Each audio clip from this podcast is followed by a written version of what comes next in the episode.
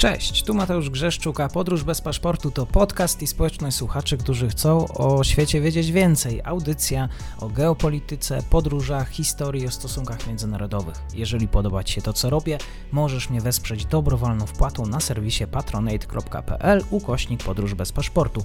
Serdecznie za to dziękuję, bo właśnie dzięki temu mam szansę rozwijać to miejsce. Obserwuj, polub i udostępniaj dalej. Zapinamy pasy, czas na kolejny odcinek podróży.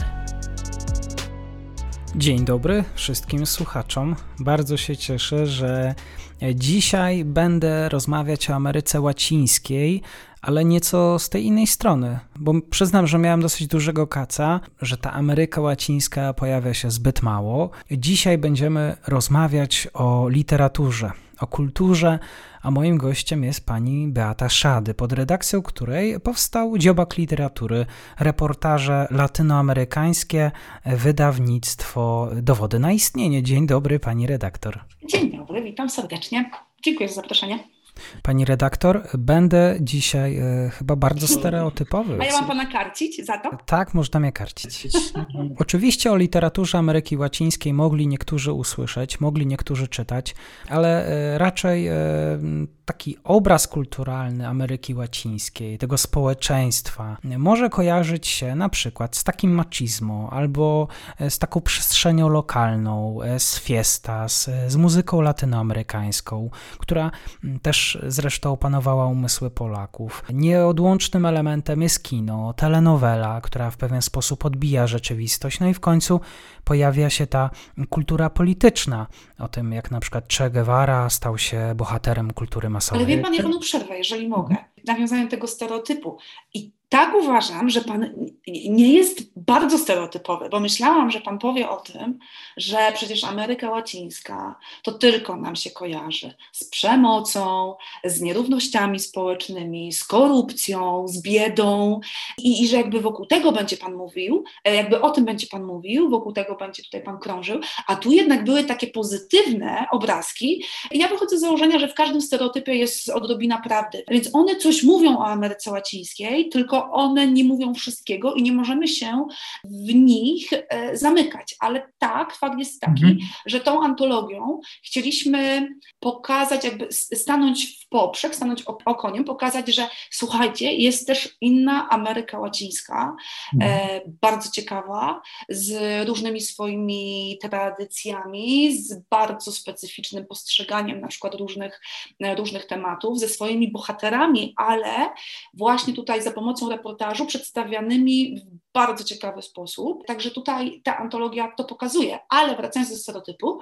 no, yy, że tak powiem, łagodnie pana mhm. tylko karcę, bo tutaj pan mi się pokazał tak całkiem pozytywnie. No, no właśnie, bo zastanawiam się, no, patrzę na Amerykę Łacińską i mamy ten bardzo dynamiczny świat, pełen energii, pełen kobiecości, męskości, seksualności. Mamy piękny argentyński i brazylijski futbol, mamy karnawał, e, zabawa, która też jest wpisana w ten kontynent. Jest ten cały ogrom emocji na kartach reportażu. I takie pytanie, czy właściwie reportaż latynoamerykańskich autorów niesie ten ciężar, właśnie ten ciężar tej energii? Bo jak sobie myślałem, Y, no, to nie jest przypadkiem, że y, ten gatunek jest zbyt nudny dla, do czytania właśnie dla tych mieszkańców? Dobrze, to odpowiadam chronologicznie. Nie da się zamknąć. Nie da się zamknąć na kartach e, tutaj książki e, tych wszystkich aspektów, o jakich Pan powiedział, tej różnej tematyki i absolutnie nie powinniśmy tego robić. My, ta antologia jest próbą ujęcia jakiegoś fragmentu. Ona nie mówi o wszystkim i ona nigdy nie będzie w stanie mówić o wszystkim, bo po prostu musiałaby mieć.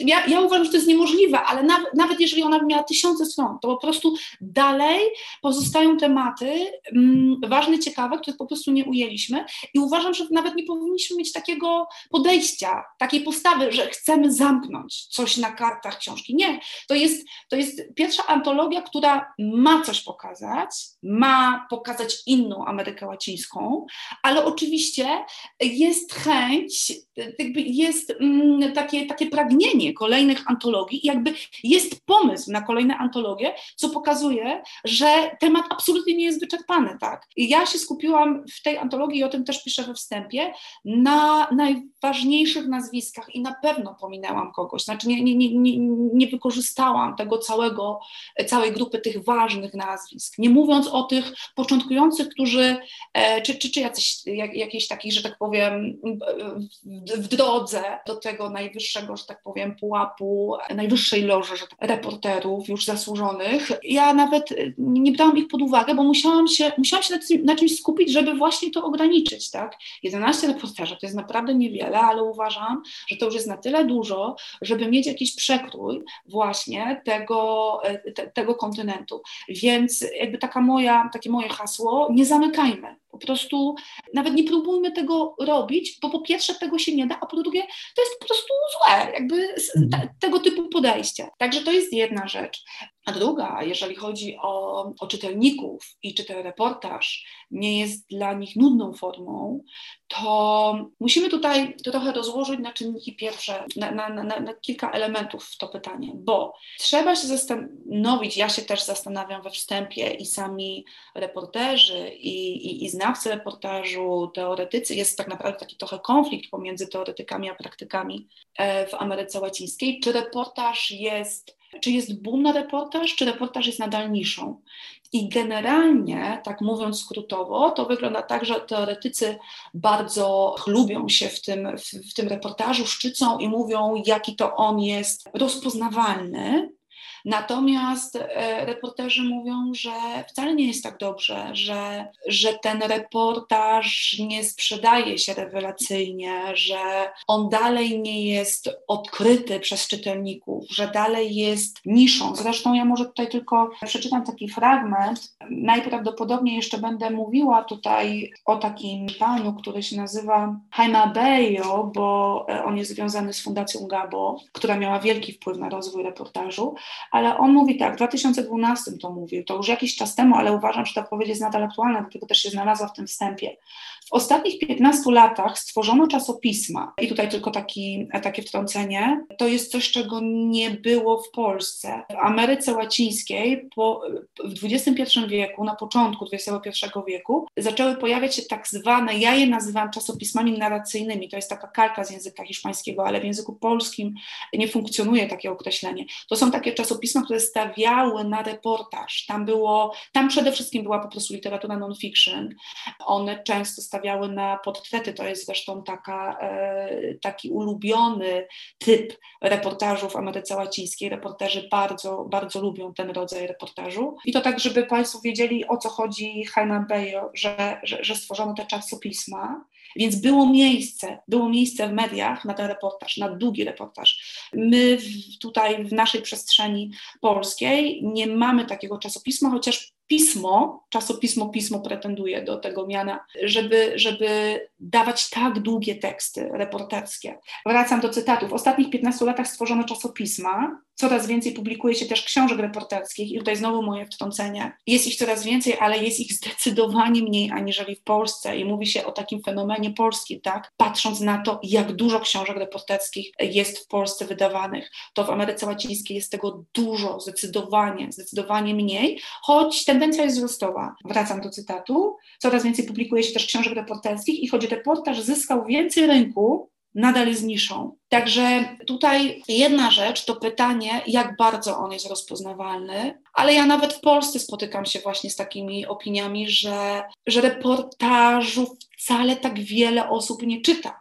patrząc mhm. na przykład na nakłady y, właśnie książek. Więc w Ameryce Łacińskiej jest jeszcze gorzej, e, jeżeli chodzi o tę ilość czytelników, e, o tę liczbę, ale jeżeli już oni są, to są to osoby najczęściej wykształcone, jednak tu, tutaj, tutaj edukacja ma znaczenie, znaczy w ogóle samo czytanie, tak, Ameryce, Ameryka Łacińska to jest, to jest kultura obrazu, i tam na porządku dziennym wszędzie po prostu jest telewizor, czy, czy, czy różne aplikacje e, na telefonach, gdzie się ogląda różne rzeczy. To nie jest kultura czytania, więc tamtych czytelników chociażby z tego powodu jest, e, jest mało, jednak jest tak, że im lepiej się jest wyedukowanym, tym więcej się czyta. Także tutaj te osoby czytające są wyedukowane, czyli dla nich ten reportaż jest bardzo e, taki przyswajalny, nie jest nudny, bo bo to, w jaki sposób reporterzy podchodzą do tematu, można było powiedzieć, e, wyświetlanego. Mogę tutaj dać przykłady z antologii. Właśnie ta inność z jednej strony z jednej strony tematyczna, bo tutaj też jest taka świeżość, to jakie są poruszane tematy przez, e, przez reporterów, ale z drugiej strony jest też taka świeżość formalna, czyli właśnie to, jak oni podchodzą do konkretnego tematu, jak inaczej przedstawiają jakiś temat, problem czy postać. I tutaj może dam przykład tylko jeden, chociaż jest ich zdecydowanie więcej w antologii. E, jest, jak już wspomniałam, jest, jest bardzo lubiany przez reporterów latynoskich taki rodzaj reportażu jak portret. Oni najczęściej skupiają się, portretują osoby znane, ciekawe, takie nietuzinkowe, ale też takie, którym się udało, czy osiągnąć sukces na arenie państwa, czy kontynentu, czy wręcz świata. I ja mam wrażenie, że, że reporterzy latynoscy też się, też się chwalą po prostu, tak, takimi osobami. Ale jednocześnie to nie są laurki zrobione, te portrety to nie są laurki, po prostu oni pokazują jakiś e, wycinek życia danej postaci, bo musimy pamiętać o tym, że portret to nie jest biografia, to jest jakiś wycinek biografii. Po prostu reporter skupia się na jakichś kilku elementach, nie jest w stanie zawrzeć wszystkiego. I jest tutaj w tej antologii portret Pinocheta, dyktatora chilijskiego, o którym powstało mnóstwo tekstów, ale jego autor, Juan Cristóbal Peña, skupia się na bibliotece Pinocheta, co było, są takie teksty, takie reportaże w Ameryce Łacińskiej, które potrząsają opinią publiczną i właśnie ten tekst należy do takich to, było, to było zaskakujące podejście do tematu, czyli właśnie pokazują Pinocheta przez pryzmat jego biblioteki, e, a to dlatego, że on absolutnie nie pokazywał się z takiej strony, nie był takim nie był erudytą, nie pokazywał się z takiej intelektualnej strony, nie mówił o jakiejś słabości do literatury,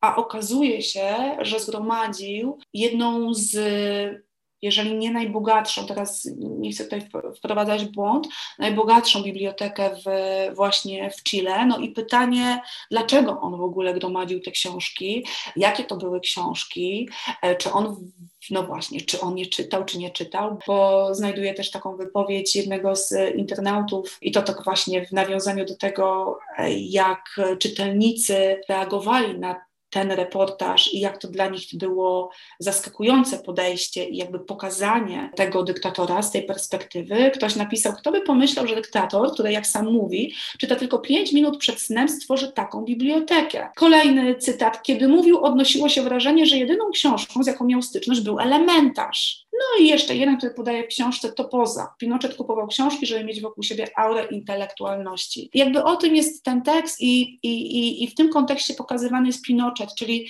tam, tam nie jest pokazane, do jakich nieprawidłowości dochodziło w jego, e, podczas jego rządów, tylko skupiamy się na książkach. Jakie to były książki?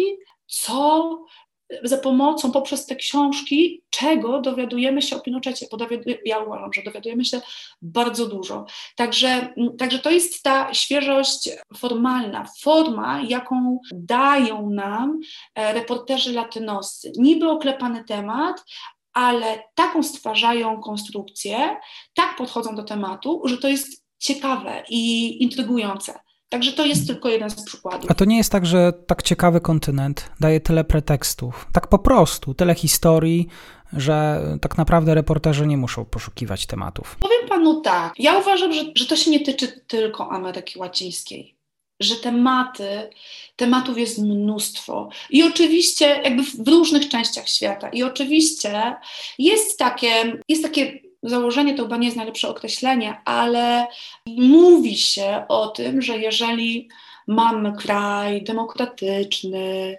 wysoko rozwinięty, to, że tam trudniej doszukać się jakichś na przykład takich problematycznych tematów, chociaż i tutaj tylko woli wtrącenia, antologia nie skupia się na negatywnych tematach, tak? To też jest ważne w, w, tej antologii. Właśnie chcemy pokazać coś innego. Ale jednak to jest taka tendencja, takie, takie myślenie, że zła wiadomość to jest wiadomość, dobra nie jest żadną wiadomością, z czym ja się nie zgadzam i wielu chociażby reporterów latynoamerykańskich, ale, a, ale jest taka tendencja, że, e, że w tych krajach właśnie rozwiniętych, demokratycznych, no tych problemów jest mniej, więc o czym tu pisać? Jest dużo nudniej dla dziennikarza, dla reportera. Ale uważam, że to wcale nie jest prawda i chociażby przykładem jest to, jak dużo mamy książek reporterskich, chociażby z krajów skandynawskich, gdzie dla wielu jest to taki raj na ziemi, a jednak okazuje się, że nie do końca i że, i że ci dziennikarze mają tam co robić. Także ja uważam, że ta studnia tematyczna jest niewyczerpana i to się oczywiście też tyczy Ameryki Łacińskiej, ale uważam, że to nie jest na tyle wyjątkowy region, na tyle świata, żeby, żeby tam było tych, tych tematów więcej. Co ciekawe, reporterzy często z premedytacją, świadomie nie dotykają tematów, które dla nas byłyby intrygujące, czy, czy my byśmy się po, pochylili nad nimi. Ja zbierając materiały do doktoratu, bo ta antologia to jest takie pokłosie, taki, taki owoc i, bardzo się cieszę, że taki owoc powstał właśnie z tej pracy naukowej. Zbierałam materiały w, w Peru w takim czasopiśmie, które się nazywa, nazywało Etykieta Negra, bo ono obecnie nie istnieje. Ja, ja o właśnie o tym czasopiśmie i też o, mm, o autorach, którzy publikowali w, w tym czasopiśmie piszę w antologii, oni tutaj też się znajdują, ale dla mnie to jest y, o tyle ciekawe, mm, ciekawe medium, że ono właśnie absolutnie nie stawiało na te negatywne aspekty. I etykieta nie zajmowała się polityką, wojną czy problemami społecznymi, chociaż miałaby o czym pisać. Ale założyciel Julio Villanueva Chang, którego tutaj też mamy jeden jeden jego reportaż w tej antologii, on unikał takich historii świadomie i uważał, że dziennikarstwo wcale nie musi się zamykać w getcie złych wiadomości. I tutaj cytat: Trzeba pamiętać, że nie całe dziennikarstwo opisujące korupcję, wojnę, malwersacje finansowe jest koniecznie dobre, ani że całe dziennikarstwo opowiadające zupełnie inne historie jest koniecznie banalne. I on zdecydowanie stawiał na te tematy lżejsze, co nie znaczy, że one nie miały takiej siły przekazu. One, one były głębokie, one często o bardzo ważnych rzeczach nam mówiły, ale, ale one jakby z założenia nie były, to nie były tematy ciężkie i trudne. I ten, e, ten właśnie reporter, Villanueva Chang, świadomie po prostu w ten sposób stworzył to swoje czasopismo i okazało się, że to, to się sprawdza, to, to, to, to miało rację, rację bytu. Także tylko chcę pokazać to, że, że mimo tego, że te, tych tematów jest mnóstwo, również na tym kontynencie, to ci reporterzy, tych reporterów nie, nie satysfakcjonuje cokolwiek, wszystko. Wręcz widzę taką tendencję, że, że oni mają dość tych złych informacji, tych negatywnych tematów. Ja pamiętam, jak właśnie przyjechałam do nich zbierać materiały do, do doktoratu, a jednocześnie byłam przed wydaniem mojej pierwszej książki reporterskiej o ludziach ulicy w Peru. I kiedy powiedziałam im właśnie w redakcji, o tym temacie, którym się zajmuję, oni absolutnie nie byli, no, byli bardzo niezadowoleni, że takim tematem się zajęłam. I pamiętam właśnie, jak mówili, tak, znowu Europejka przyjechała i będzie pisać o tych beznadziejnych, smutnych rzeczach, jakby niczego innego w Ameryce Łacińskiej nie było. Ja dzisiaj ich bardziej rozumiem, dlaczego oni tak mi powiedzieli, chociaż z drugiej strony też uważam, że etykieta negra to czasopismo właśnie stworzone przez Villanueva Changa, skupiając się tylko na tych pozytywnych rzeczach, nie pokazuje całego tak naprawdę spektrum tematów, czy, czy, czy pokazuje znowuż skrawek tej Ameryki Łacińskiej. Ale taki ich był pomysł na to czasopismo i jakby za to ich szanuję i oni nigdy nie mówili, że nie ma innych tematów, że jest wszystko pięknie i wspaniale. Absolutnie nie. Tylko po prostu taki był ich pomysł i tego się trzymali, ale nie byli zadowoleni właśnie, jak Europejczycy przyjeżdżali i skupiali się tylko na tych, na tych e, złych rzeczach. Oni mhm. mają tego dość i to jest zrozumiałe, tak? Mówi pani redaktor y, sporo o poszukiwaniu historii, podejmowaniu się tych wątków, tych przekazach o dziennikarzach, reporterach, którzy muszą jakoś odnaleźć się w tej Ameryce Łacińskiej. Stąd pytanie, na ile w tych reportażach jest myśliwego, a na ile takiego aktywnego uczestnika wydarzeń. na ile dziennikarza, który właściwie sucho podaje fakty. Tutaj znowu jest, um, muszę rozłożyć na wiele elementów to Pana pytanie. Po pierwsze, ja jestem podobnie zresztą jak Leila Guerriero, jedyna reporterka w tym zbiorze reportaży latynoamerykańskich, pozostali to są mężczyźni. Ja podobnie jak ona jestem sceptycznie bardzo podchodzę do definiowania różnych kwestii, w ogóle definicji. Ja też jestem wykładowczynią akademicką i na przykład nigdy nie daję moim studentom definicji reportażu. Oni mają dojść do swojej definicji poprzez swoją pracę, mają stworzyć własną definicję. Nie mamy definicji, która wyczerpywałaby ten gatunek i dobrze, ja uważam, że dobrze i ja też mówię, że y, reportaż jest jak kameleon, on się po prostu zmienia i to, co dzisiaj nazywamy reportażem, za 10 lat absolutnie może nim nie być. Dlatego też nie podam takiej granicy pomiędzy byciem dziennikarzem a byciem reporterem, bo często reporterzy, ty, osoby, które zajmują się pisaniem reportaży, nazywają się dziennikarzami i uważam, że mają takie prawo. Zresztą ja też kiedy podaje chociażby swoje biogramy, to pisze dziennikarka, a nie reporterka. Więc taki jest mój wyuczony zawód. Studiowałam dziennikarstwo, a nie reporterstwo. No i tyle. W każdym razie zajmuję się tym reportażem. Ale chodzi o to, że Leila Guerriero właśnie mówi o tym, żebyśmy nie, nie sfiksowali, nie, nie, nie zwariowali na punkcie tych właśnie definicji, tego kim my jesteśmy, a, a czym jest jeszcze ten reportaż, a czym nie jest, bo tak naprawdę najważniejsze jest to, żeby opowiadać, dobrze opowiadać ciekawe historie. I tyle. I to jest nasza robota, nie stwarzanie kolejnych definicji. Także ja się trzymam tego. Leila Guerriero jest e, właśnie tą osobą, która pisze bardzo dużo reportaży, jakby tak naprawdę niczego innego nie pisze. To, to, to jest jej gatunek, ale nazywa się dziennikarką. I takich przykładów e, pewnie byłoby więcej. E, różnie ci reporterzy latynoscy się nazywają. Często to też jest takie dość odmienne od naszego tutaj polskiego rynku, chociaż chociaż myślę, że, że w miarę upływu czasu może nam, Polakom, bliżej do tego świata latynoskiego. Chodzi mi o to, że bardzo często reportażem zajmują się pisarze, to znaczy są osoby, są autorzy, którzy łączą literaturę non-fiction z z literaturą fiction nie w jednej książce, ale po prostu zajmują się różnymi gatunkami literatury. Chociażby przykładem jest najbardziej znany reporter w Polsce, latynoamerykański, też jest antologii, Martin Caparros. On, to jest bardzo płodny autor. Ja kiedyś policzyłam, że, że on wydaje książki co półtora roku. Teraz ta tendencja jest pewnie e, się zmniejszyła, w sensie wydłużył się okres właśnie publikacji, też zajął się, uważam, trudniejszymi tematami. Te jego książki są, są takie grubasy, więc teraz pewnie rzadziej i myślę, że też w miarę upływu czasu on ma mniejszą potrzebę takiego częstego pisania, ale to jest taki przykład właśnie autora, który pisze i fiction i non-fiction, więc on często po prostu o sobie, o sobie pisze, że jest pisarzem, choć może to tak, oni często nazywają się pisarzami. Także nie ma, uważam, że y, nie jesteśmy w stanie stworzyć takiej trwałej granicy, kim jest dziennikarz, a kim, kim jest reporter, bo dziennikarze, również osoby, które nazywają się dziennikarzami, piszą reportaże, ale, ale, ale tak, gdybyśmy, myślę, że żaden z nich by się nie obraził, gdybyśmy na każdego z nich powiedzieli, że jest reporterem, tak, i tyle, ale te ich definicje, e, jakby, czy określanie siebie są bardzo różne, tylko na to, na to chcę zwrócić uwagę. Ta kolejna część Pana pytania, e, na ile ci reporterzy, tak najogólniej nazywając ich, są myśliwymi? I to jest takie ulubione określenie Martina Caparrosa, który właśnie uważa, że w byciu myśliwym, jak i właśnie w byciu reporterem najważniejsza jest ta spostrzegawczość, tak, żeby, żeby wychwytywać e, jakieś ważne, najogólniej mówiąc, rzeczy, tematy, ale bycie myśliwym absolutnie nie jakby bycie myśliwym zawiera się w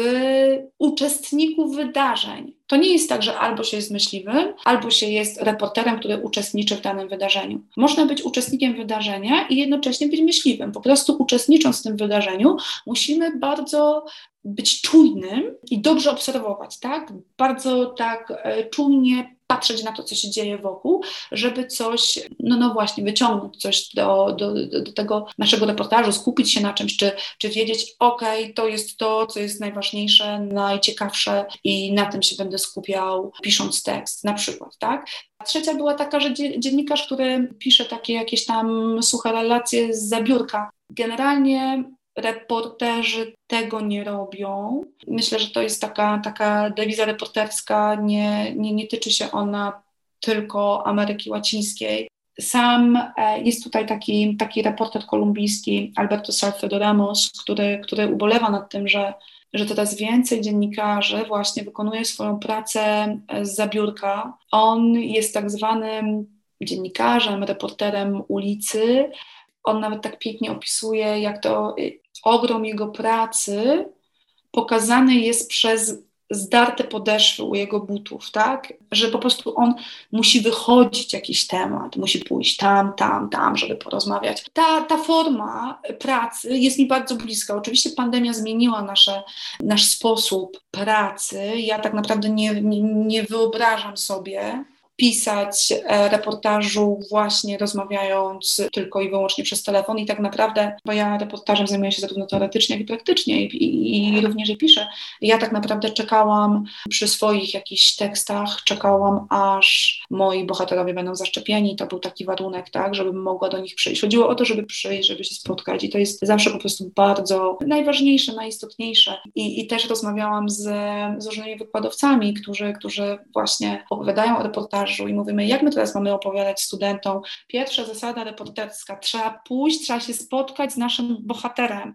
a my nagle w czasie pandemii po prostu nie możemy tego zrobić. Więc to jest trochę takie wywrócone do góry nogami, ale w takich, jeżeli mogę użyć określenia, w normalnych warunkach, chociaż mam wrażenie, że coraz normalniej nam w tej pandemii, ale, ale to jest taka zasada reporterska, tak? Iść do ludzi, spotykać się z nimi. Więc praca z zabiórka absolutnie nie jest pożądana i, i to też widać, czuć po, po tekstach, kiedy coś się działo w terenie i, um, i chłonęliśmy my, reporterzy, jak gąbkę te różne właśnie smaki, zapachy, kolory przez telefon czy przez internet tego po prostu nie mamy.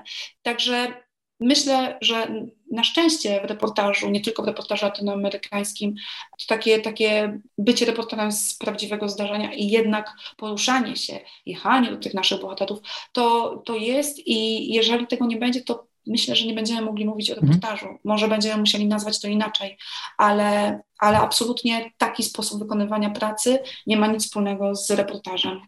Ja myślę, że wszyscy ci, którzy chcą sprawdzić, jak się pisze reportaże w Ameryce Łacińskiej, niech sięgną właśnie po dziobaka literatury. Ale teraz, e, też zachęcając do tego, żeby to zrobić, chciałbym chwilkę poświęcić e, właśnie wskazanych przeze mnie mm, reportażom. Wybrałem trzy. Niech e, to też będzie taka opowieść, nie zdradzajmy wszystkiego, co się kryje pod hasłem.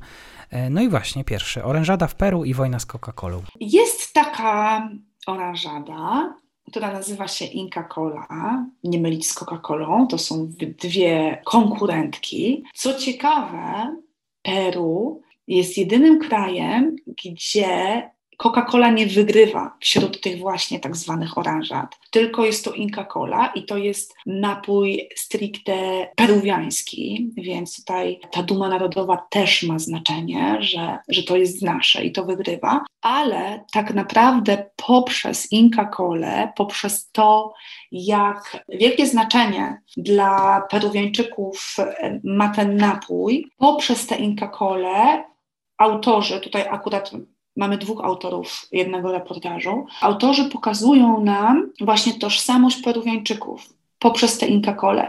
Ja może tylko dam jeden cytat, który dobrze pokazuje tę sytuację. Zrobiliśmy z Inca Coli gastronomiczny standard w kraju, w którym tożsamość narodowa wchodzi przez usta. I fakt jest taki, że tożsamość narodowa Peruwiańczyków wyraża się nie tylko poprzez Inca Cole, ale generalnie przez jedzenie.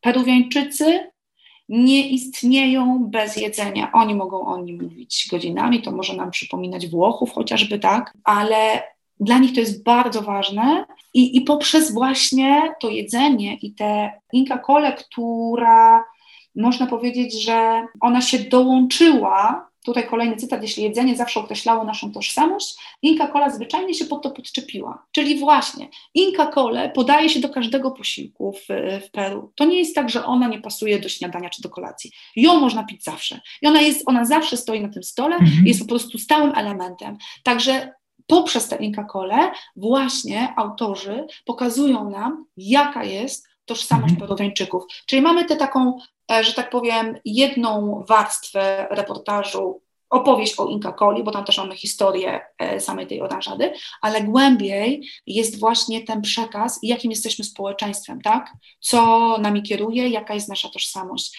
I to jest właśnie piękne w, mhm. w tym reportażu, że poprzez taki banał, jak oranżada, pokazujemy ważną kwestię. Tutaj akurat to jest mhm. tożsamość narodowa. To jeżeli jesteśmy przy jedzeniu, to chciałbym zapytać o zęby noblisty.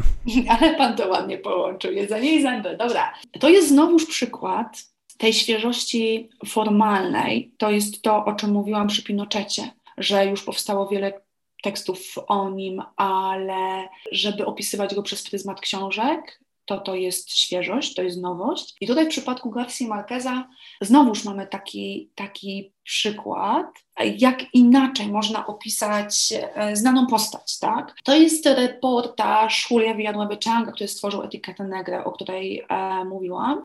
I co ciekawe, tutaj trzeba takie dać wprowadzenie, że Garcia Marquez nie udzielał wywiadów. On w swoim życiu udzielił kilku wywiadów. To jest naprawdę niewiele. A Julio Villanueva Chang jako rasowy reporter nie widział innego sposobu na napisanie reportażu. On, on, tak pracuje ze swoimi bohaterami, on właśnie też bardzo dużo pisze portretów. On spotyka się z tymi swoimi bohaterami, on bardzo lubi uczestniczyć w takim normalnym życiu tego swojego bohatera, czyli trochę sobie pomieszkać u niego, jeżeli tak to mogę nazwać, żeby po prostu y, czy, czy, czy, czy jest z nim obiad w domu, czy kolację, ale jakby widzi go w takich zwykłych po prostu sytuacjach, no to tutaj Julio wiedział, że nie da się tego zrobić z Garcją Marquez Ale wpadł na pomysł, żeby opisać go poprzez jego dentystę. Dentysta Garcia Marqueza się na to zgodził i opisuje nam właśnie, jak dochodziło do spotkań z Garcją Marquezem, dlaczego ten Garcia Marquez w ogóle do niego przyszedł, jakie ma pamiątki po, po Garcji Marquezie, jak to się stało, że Garcia Marquez stał się chrzestnym jego syna.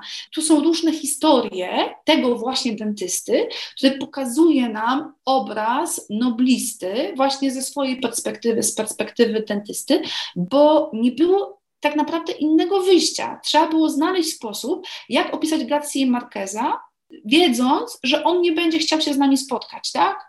Czyli właśnie znajdujemy sobie taką, takiego bohatera, który jest w stanie nam o nim opowiedzieć, ale też z takiej ciekawej perspektywy, tak? Bo właśnie z perspektywy zębów to, to, jest, to jest coś nowego, to jest coś innego. Także w ten sposób zrobił to Julia, Julio Villanueva Tam jest w tym tekście, ja bardzo często cytuję taki fragment, ale tym razem go nie zacytuję. Może w ten sposób Państwa zachęcam do przeczytania e, tego tekstu. Jest fragment, który bardzo dużo mówi o Garcia Marquezie. To jest, to jest moment, kiedy on przychodzi po raz pierwszy do gabinetu i musi wypełnić taką, no, takie rubryki z danymi swoimi. Tam są różne pytania. Dla nas, Polaków, mogą być one też takie dziwne, zastanawiające, dlaczego akurat dentysta chce, potrzebuje takich informacji. Ale to, co jak odpowiada Garcia Marquez, mówi bardzo dużo o nim. Także okazuje się, że poprzez dentystę możemy bardzo dużo mhm. dowiedzieć się o tym kolumbijskim pisarzu. W pewien sposób e, już zadała to Pani pytanie, w jaki sposób można nazwać znaną postać. To można nadać komuś nowe imienie, e, nowe imię Marquezowi,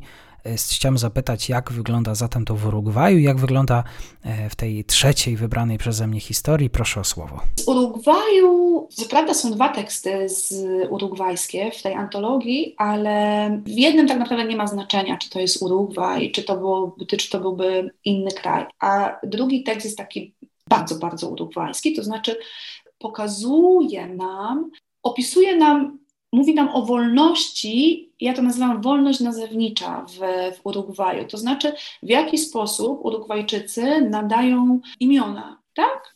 No, swoim pociechom, najczęściej są po prostu rodzice. To, to absolutnie nie jest e, zjawisko, które tyczy się tylko Urugwaju. Tak wygląda w, całej Ameryce Łacińskiej. Tam naprawdę jest e, wielka wolność nazewnicza i niektóre przykłady są nieprawdopodobne, bardzo zabawne. E, o tym też piszę we wstępniaku. Ale w przypadku Urugwaju ciekawe jest to, i na tym skupia się autor, na jednym imieniu, na Hitlerze imię Hitler, nie Adolf. I to też jest ważne, że w Ameryce Łacińskiej można sobie za imiona wziąć nazwiska, tak, więc tutaj Hitler jak najbardziej można było.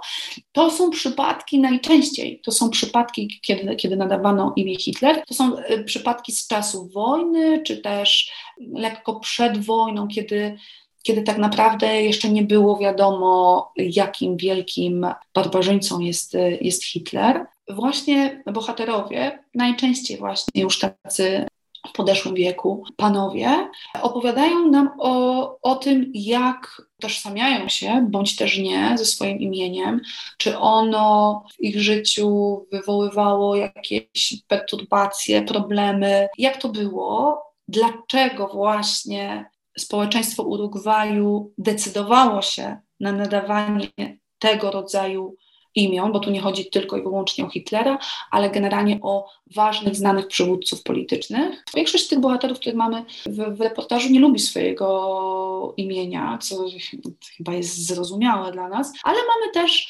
e, takiego, e, że tak powiem, przedstawiciela, który nie widzi najmniejszego problemu w tym imieniu, który nadał swojemu synowi takie imię i ten syn też nie widzi problemu, uważa, tradycja to tradycja, trzeba po prostu przekazywać z pokolenia na pokolenie imię po ojcu.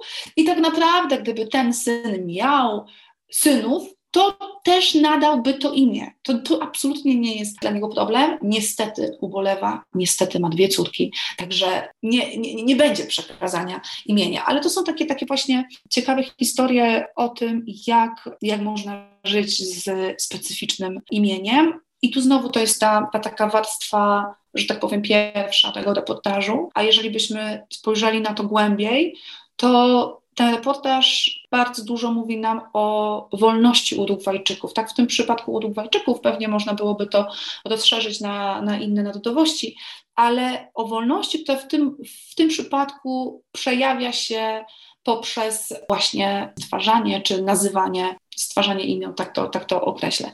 Także mhm. o tym jest ten reportaż. To w takim razie pytanie najcięższego kalibru na koniec. Mówimy o tym, czym reportaż jest, czym nie jest, co opowiada, co ten reportaż zmienia. Wiem, że to trudne pytanie, po co autor właściwie z tego regionu sięga po reportaż, ale w tym pytaniu po co, myślę też, że to będzie ciekawić mojego słuchacza, czy on właściwie zmieniał coś w społeczeństwie, y, dokonywało się za tym jakaś przemiana polityczna? Zacznę znowuż od, od początku. Pan, pan lubi tak w jednym pytaniu zawrzeć kilka i później odpowiadający musi się trudzić, żeby po prostu nie zapomnieć o, o, żadnym elemencie, ale dobrze, dobrze. Y, póki co to kontroluję. W każdym razie ja myślę, że w przypadku reportażu latynoamerykańskiego to, to się wiąże z tym, o czym właśnie już mówiłam wcześniej, że ci reporterzy chcą poprzez takie lekkie tematy poruszać ważne kwestie. Ja to nazywam w antologii cudem w banale, czyli mamy opowiadać o banale w niebanalny sposób, i to jest by chociażby przykład Inka Coli, tej oranżady z Peru. Mamy banalny produkt, ale on tak naprawdę mówi nam, opowiadamy o nim, on nam opowiada o tożsamości naszej. A druga kwestia to jest opowiadać, dostrzegać niezwykłość w tym, co zwykłe. I, i tutaj też właśnie przemycać takie uniwersalne myśli. Myślę, że to jest ważne dla reporterów, reporterów latynoamerykańskich, czyli nie, że bierzemy te tematy najcięższe, największego kalibru, no i one też coś nam tam mówią o, o tym świecie. Przepraszam, oni odsuwają te, e, te, te, negatywne rzeczy na bok. Oczywiście są media, które, które też taką tematykę poruszają. Jeden z przykładów jest, jest w antologii. Odsuwamy, e, odsuwamy te negatywne wiadomości, zajmujemy się pozytywnymi.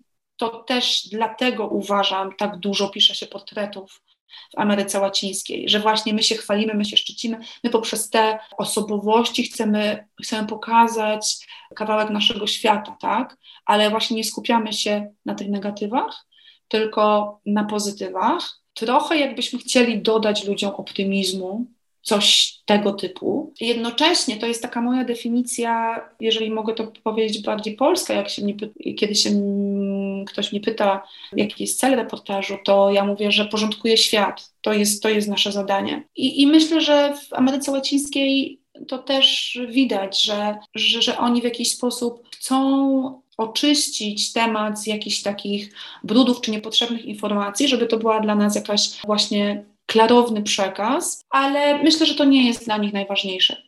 Ważniejszy jest według mnie ten cud w banale i mówienie o oczywistościach w nieoczywisty sposób. A jeżeli chodzi o drugą część e, pytania, jak reportaż zmienił, czy jak wpływał na społeczeństwa latynoamerykańskie, to absolutnie nie jestem kompetentna do tego, żeby odpowiadać na to pytanie. To myślę może być temat doktoratu, więc dużo tutaj pracy trzeba byłoby mhm. włożyć, żeby odpowiedzieć na to pytanie. Ja mogę tylko, ja, ja jestem, ja zajmuję się reportażem w, w Ameryce Łacińskiej w XXI wieku i w XXI wieku większość krajów Ameryki Łacińskiej to są demokracje.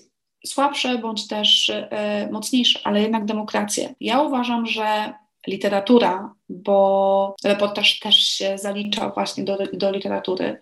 On jest pogranicza dziennikarstwa i literatury, można go zaliczyć zarówno do jednego, jak i do drugiego, ale literatura, w tym reportaż, mają większą siłę przemiany, rażenia w dyktaturach. To jest taka, taka ogólna myśl. Mam wrażenie, że to też było widać w Polsce i w czasach e, PRL-u, komunizmu, jak poprzez reportaż opisywało się prawdę o, o tym świecie komunistycznym, tę rzeczywistość. Także to jest jedna kwestia, że one mają mniejszą siłę rażenia, że, że, że tak powiem, ale mamy przykłady i tutaj chociażby podam przykład El Faro, to jest medium salwadorskie, które skupia się właśnie na tych takich negatywnych rzeczach. Znaczy, to, to medium patrzy władzy na ręce, a że w Salwadorze jest wielki problem z przemocą, z korupcją, z gangami, w związku z tym też konsekwencją tego są migracje, to oni o tym piszą. Ale na przykład dwa lata temu został wybrany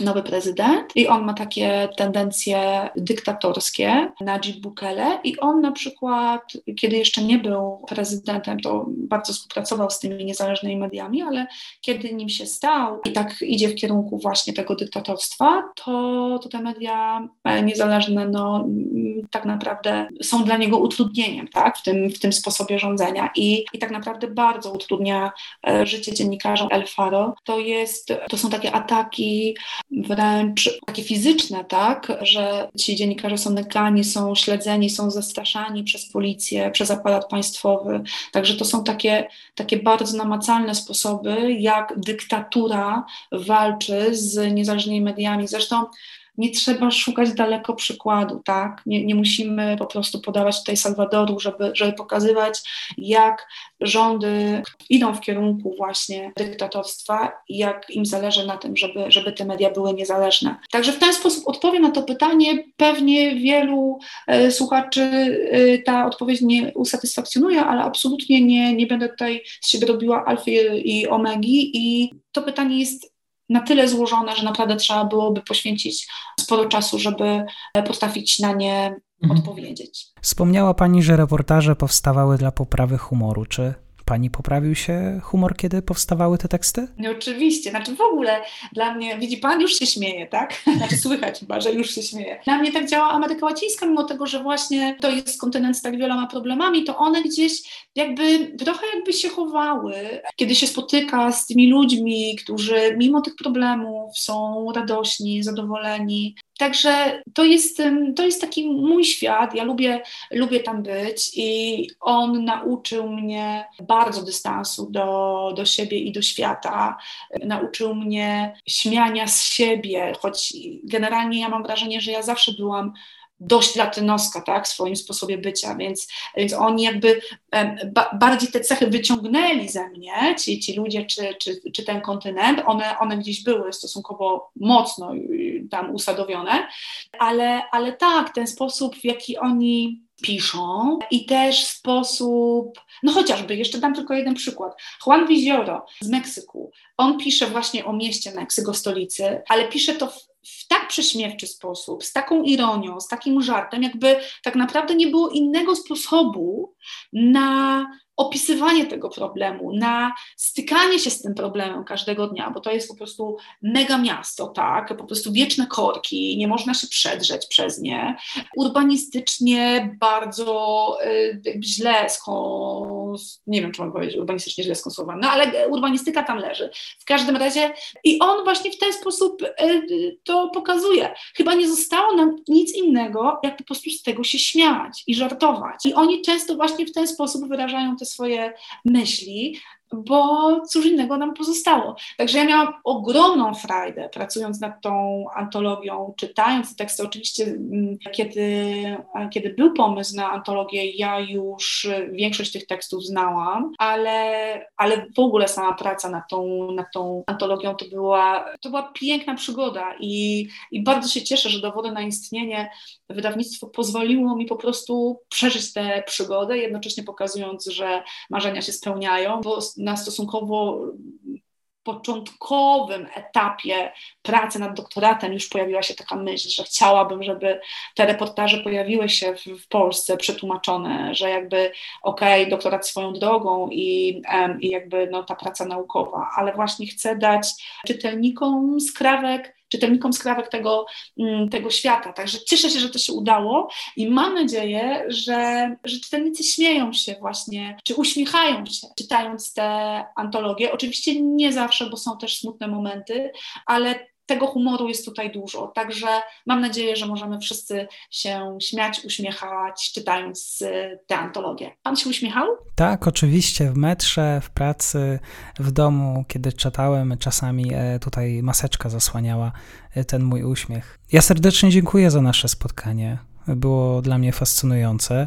E, wielka dawka wiedzy i rozmowy o czymś, co jest mi bardzo bliskie, reportaż. E, moim gościem była pani Beata Szady, pod redakcją której powstał dziobak literatury. Reportaże latynoamerykańskie, wydawnictwo Dowody na istnienie. Serdecznie dziękuję. Bardzo dziękuję.